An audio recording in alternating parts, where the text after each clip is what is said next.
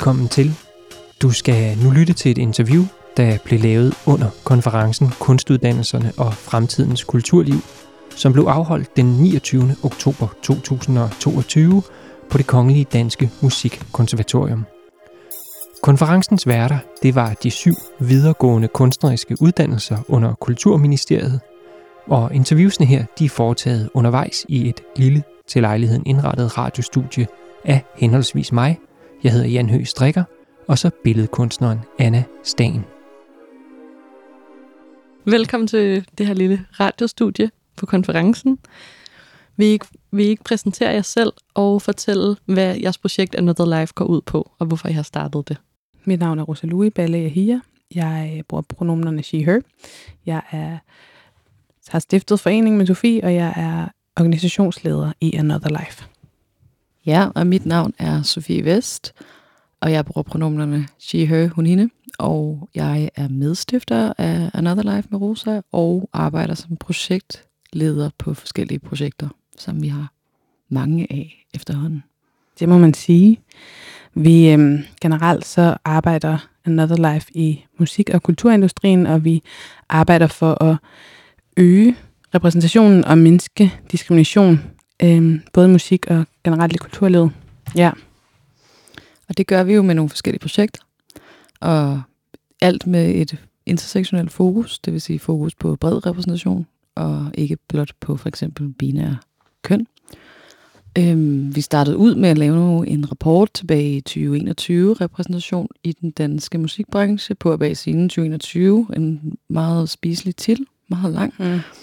øhm, hvor vi kortlagde øhm, repræsentation i musikindustrien og også øh, op- oplevet diskrimination.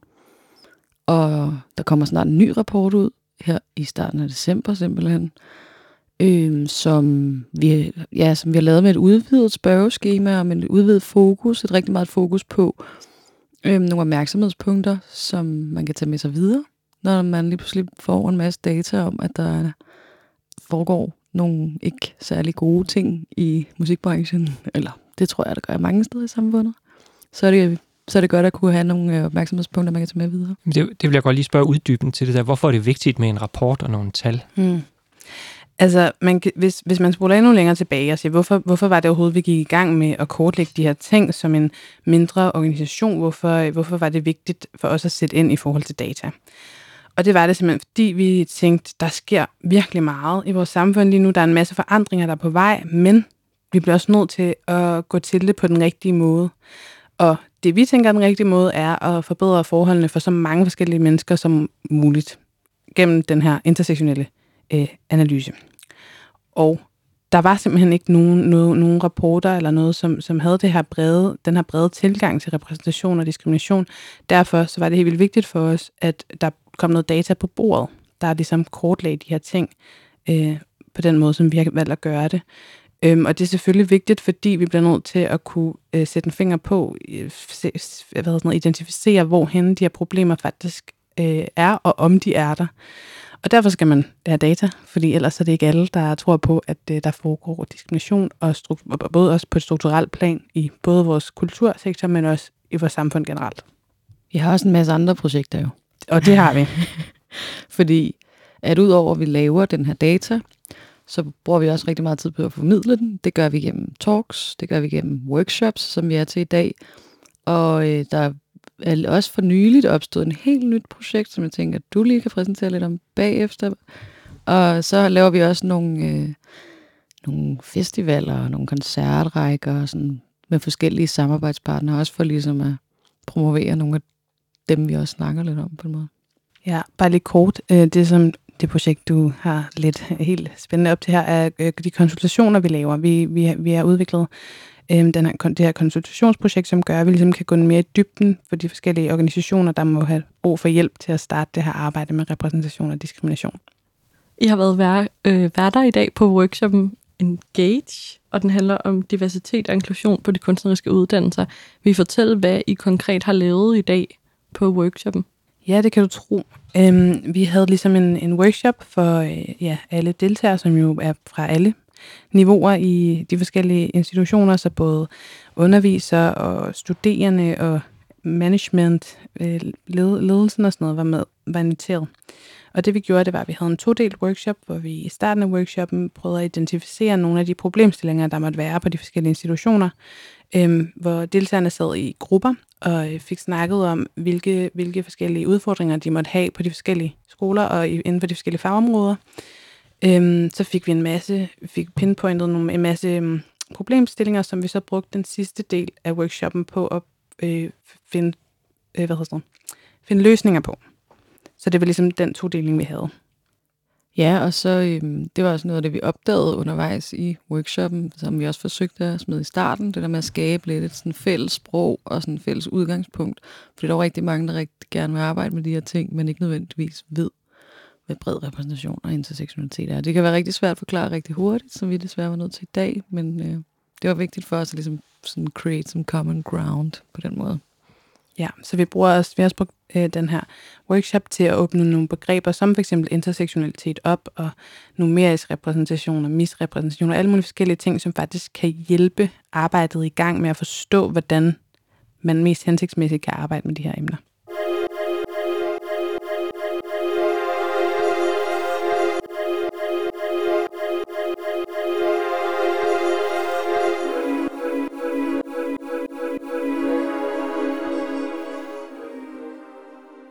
Man spørger, hvad er sådan en metode? Altså konkret, altså også da, fra da I startede og sådan fandt på Another Life. Hvad er sådan jeres undervisningsmetode, eller jeres workshop-metode? Eller? Mm. Først og fremmest, er, øh, som der åbenbart er behov for jo, i mange forskellige ting, at præsentere noget konkret data, så vi faktisk bare lige er lidt enige om, at det er vigtigt, det vi laver til den her workshop. Det er rigtig vigtigt for os. Øhm, snakke lidt om terminologien, fordi det er vigtigt for os at have et intersektionelt fokus, så det skal alle lidt have i, i de workshops, vi er i gang med sætter. Og øh, så hele det her interaktive er rigtig vigtigt. Det her med co-creation er en rigtig vigtig term for os også, fordi at, at det er vigtigt, at folk selv går ind og analyserer deres institutioner. Mm, og også bare dem selv som individ. Det der med sådan at kunne, at, at kunne blive præsenteret for noget forhåbentlig let tilgængeligt øhm, øhm, viden om repræsentationsarbejdet, og så kunne øh, perspektivere det til sin egen praksis, men også sit eget liv. Det er virkelig sådan, det, det, det synes vi, der sker noget meget spændende i. Det der møder folk faktisk, øhm, også for os selv for den sags skyld. Det der med ligesom at få, få vendt blikket, og nu er det faktisk os, der selv skal for, man skal selv forholde sig til sine blinde vinkler, man skal selv forholde sig til, hvordan man, man, man selv agerer til dagligt, i sit, både sit job, men også i sit liv, og sådan det der med ligesom at få folk til aktivt at tænke, hvordan kan jeg gøre det bedre, hvordan kan vi sammen gøre det bedre, det er også en rigtig vigtig del af det. Må jeg spørge om noget, som er, at øh, I er ude i mange forskellige kontekster og holde de her workshops, I er ude og holde oplæg omkring jeres arbejde forskellige steder. Føler I, at der er ryg i den her dagsorden? Ja, det er der. Øhm, det, jeg tror også, når vi er ude, så er det også rigtig meget med dem, der deltager til vores, i vores forskellige øh, arrangementer, er også folk, som gerne vil lære, og som gerne vil være med til at skubbe den her agenda øhm, øh, og den her dagsorden. I da, øhm, og det gør, det gør også, at, at folk er sådan engageret og vil gerne lære og vil gerne lytte. Øhm, selvfølgelig er der stadig nogle udfordringer i at komme ud og skulle snakke om de her ting, fordi folk vil også gerne stadig snakke rigtig meget om sådan de, min, de, sådan, de små dele af de her diskussioner. For eksempel, skal vi snakke om pronomener? Øhm, kan man godt kalde det diskrimination? Kan man godt alle de her ting? Og når, når vi møder den, så tror jeg, det er vigtigt at, at huske på, at sådan, det, lige at trække det lidt op i et lidt højere perspektiv, og huske på, at sådan, det, handler om, det handler i virkeligheden om retfærdighed, og om, at vi alle sammen skal have det samme udgangspunkt. Øh, så, så der er rigtig mange både kvinder og minoriserede personer, som faktisk får kastet mange forhindringer og barriere ind i deres vej, som gør, at de ikke har det samme udgangspunkt for nogen, der ikke nogen, der har flere privilegier. Og sådan det der med også lige have eyes on the prize, husk, hvad det er, vi egentlig snakker om. Det handler faktisk om retfærdighed. Vi behøver ikke gå ned i detaljen og diskutere, om det overhovedet giver mening at have pronomener. Vi, vi skal faktisk løfte op, så vi alle sammen kan være her på, lige, på samme vilkår. Altså, I har begge to Rosa, du går stadigvæk på Rytmisk Musikkonservatorium, og Sofie, du er blevet færdig. Kan I sige, nu er jeres erfaringer så primært fra den skole, men jeg ved ikke, om I har snakket med andre. Hvordan tror I, at øh, de her dagsordner trives på skolerne i øjeblikket, og hvordan trives de i den, man kan sige, den oplever også en eller anden form for modvind fra politisk hold, eller fra, der er tit en negativ opmærksomhed i medierne på nogle af de her dagsordner, og man skyder ting i skoene på studerende, som går på institutionerne. Hvordan oplever I det, og har oplevet det, mens I har gået på, på kunstskolen? Jeg tror rigtig meget, det handler om, at folk, de netop skal, det, det, det handler også lidt om, at folk, det, det skal ligesom gå op for folk, hvad det egentlig er, det er, vi, vi prøver at komme frem til, som jo er den her retfærdighed, lige adgang. Øhm, og det er som om, at ude på de forskellige skoler, når der, når der sidder nogen på de højeste magt, den højeste magtposition, som, hvor det, for hvem det går op for, at når Gud, øh, den kritik, der bliver rejst, er faktisk ikke et problem, det er faktisk en styrke, at vi kan have de her samtaler når det går op for dem, der sidder på de højeste magtniveauer, at det det, det handler om, så kan man rykke. Fordi så er folk ikke bange for at lige pludselig at blive mødt med kritik. Så, folk, så forstår folk, at oh, jeg skal faktisk mødes med kritik, fordi at, uh, der er nogle ting, jeg ikke selv kan se kvæg mit, mit udgangspunkt. Og, og det tror jeg er lidt forskelligt, hvordan det ser ud rundt omkring på skolerne, hvor folk er i den her proces. Øh, hens det samme i vores samfund. Det er forskelligt, hvorhen øh, øh, ja, hvor langt folk er i den her proces, og det, jeg tror, at der er noget, noget anerkendelse af, af, af sådan, i virkeligheden det simple ved, ved alle de her problematikker. Øhm, den anerkendelse er lidt nødvendig, for at man egentlig reelt kan gå ud og skabe de her handlinger, der er nødvendige. Godt svar. ja, jeg er meget enig, og jeg tror, at det er helt rigtigt, at folk er nogle forskellige steder, men samtidig også er lidt, vi gerne vil det samme sted hen. Og jeg håber, at, at der også kommer nogle flere sådan, fælles retningslinjer, som kan sådan implementeres på de forskellige uddannelser, sådan, så det ikke kun er... Og jeg har, vi har jo egentlig kun rigtig sådan, direkte indsigt i AMC, sådan, så det ikke kun er de ting, AMC implementerer, implementerer ude på AMC, som fungerer, at de kun bliver implementeret der, at man også forsøger at implementere det på nogle af de andre skoler.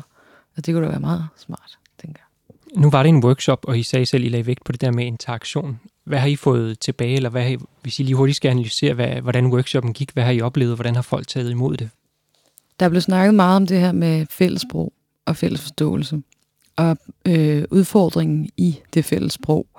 Og jeg tager, altså, en vigtig læring er jo bare, at det stadig kan være vildt svært for folk også at træde lidt ud af samtalen, som de egentlig stadig skal være præsente i, hvis det giver mening. At man som en, der er mere privilegeret end den anden, stadig skal deltage i samtalen, men ikke nødvendigvis hele tiden øh, tænke sig selv 100% ind i det, og sin egen oplevede sådan oplevelser, måske bare. Øh, det er mega svært, og det tror jeg bliver rigtig svært også at arbejde med videre, men det er en vigtig pointe, synes jeg, at sådan, det, der er også noget, der er sådan en interessant aflærings-læringsproces der, som er, som er svær og vigtig, hvis det giver mening der var en, der, eller der var en rigtig god pointe i forhold til det her med, når, når nogen, kommer med, nogen kommer med nogle udfordringer, som man ikke selv kan, kan identificere sig med. Den her med, måske at handler det ikke om, at man skal identificere sig selv hele tiden med, med, øh, med de problemer, man bliver, øh, man får, man, man, bliver, man får øh, fortalt, nogen er blevet mødt med. Måske handler det mere om, at man skal prøve at forstå det. Man skal prøve at lytte at forstå det, mere end at man sådan en til en skal kunne spejle de, de, de problemstillinger, der må, måtte være. For det kan man højst sandsynligt ikke, hvis man har et eller andet udgangspunkt. Bare sådan, som du lige siger, det var en rigtig fin pointe, der kom fra det. Ja, og så var der noget i forhold til sådan noget med sådan håndtering af konkrete problemer, hvor der også bare var en rigtig fin pointe i det her med, at der bliver også snakket meget om sådan noget med gatekeepers, og der er nogen, der sidder på nogle positioner som den eneste, der kan tage nogle beslutninger på nogle forskellige områder. Men også det der, hvis man skal løse et problem, en, en opstået problemstilling. Og at det så ikke nødvendigvis er ens ansvar alene at løse den. Så man kan samle sig om at løse nogle problemer nogle gange. Man kan få folk med udefra ind og hjælpe en til at løse nogle problemer. Man kan gøre det internt med for eksempel en underviser og en student. Kan man måske sammen støtte hinanden i at løse et problem, og ikke nødvendigvis påtage sig rollen alene, fordi det er jo også vildt svært, og det kan der også opstå meget frustration omkring. En, en, en anden sidste, måske, jeg ved ikke, hvor langt fra. En anden pointe er også, at øhm, repræsentation skal foregå på alle niveauer, altså alle magtniveauer i vores forskellige, på vores forskellige institutioner. Øhm, og en, en pointe, som kom, virkelig kom frem, var det her med øh, diversitet i øh, de nye bestyrelser, der kommer. Det, det fungerer ikke så godt, hvis der, der sidder en helt homogen gruppe, der skal sidde og tage, tage beslutninger øh, for en hel institution på den måde. Øh, så det var noget, der virkelig mm, der sådan skabte genklang på de forskellige institutioner, at øh, vi gerne vil have, at der er nogle forskellige perspektiver, der kommer ind i de her øh, nye bestyrelser. Så det er noget, det skal vi lige sætte, øh, Det, det var vigtigt. Øhm, jeg har også et, et sidste spørgsmål her måske. Øhm, det, altså, så, da jeg selv var studerende, så oplevede jeg et stort clinch mellem mine lærers, den måde, de var opdraget på i deres uddannelse, og hvordan de sådan, deres ideologi omkring uddannelse var, og så min egen generations. Så hvordan, ligesom for eksempel med bestyrelser, når jeg forestiller mig et, et nyt bestyrelsesråd, så forestiller jeg mig, at det er en bestemt aldersgruppe, og det er en bestemt de mennesker, der bliver valgt ind, er nogen, der har, et, sådan, der har haft nogle bestemte jobs, og er nået, har climbed the ladder mm. til et, øhm, til et vis sådan, ansættelsesniveau. Og hvis de her mennesker ligesom er opdraget eller uddannet i en anden tid, hvordan uddanner man lærerne? Eller hvordan uddanner man de mennesker, der skal sidde i de her magtjobs?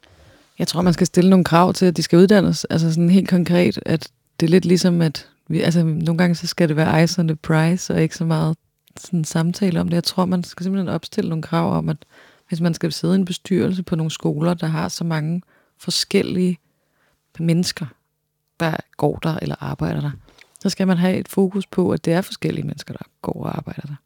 Og det skal der bare være. Man kan sige, øh, hvis, man, hvis man kontinuerligt har, sådan, har nogle øh, seminarer, nogle workshops, nogle, en måde, hvor man ligesom kan skabe et fællessprog for de her ting, man kan åbne verdener op for hinanden, øh, åbne sprog op for hinanden, så det bliver nemmere at have de her samtaler. Det, er jo, det tror jeg er meget vigtigt, at man kontinuerligt holder sådan nogle, øh, ligesom prioriterer at have de samtaler. Øhm, og så bare lige en anden øh, note også det, øhm, i forhold til sammensætning af bestyrelserne, og også generelt, jeg tror, det der med at, at skifte fokus lidt, øhm, den måde, man tænker kvalitet på. Øhm, hvis, man, hvis, hvis når de her bestyrelser bliver sammensat, at man kun forholder sig til erfaring, at det er det vigtigste, at du bare har 20 års erfaring inden for whatever, det, det fagområde, man nu engang er i, så bliver det måske også lidt sværere at skabe de her, øhm, de her meget stærke bestyrelser. Hvor man, hvis man også tænker øh, levet erfaring, øhm, for eksempel som en, som en kvalitet, og bare forskellige perspektiver som en ret stor kvalitet, så, sådan, så tror jeg, at det bliver nemmere, hvis man ja, ændrer kvalitetsparametre øhm, på den måde. Jeg tror, vi er ved at have udløbet den tidsramme, som vi har sat for de her små øh, interviews. Tusind tak, fordi I gad at være med. tak. Selv tak.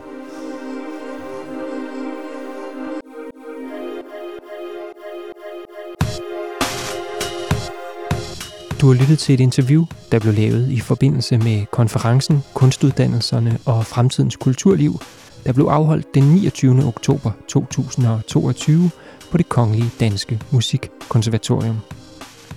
Du kan høre mange flere interviews og optagelser af panelsamtalerne fra konferencen i de øvrige episoder af den her podcast.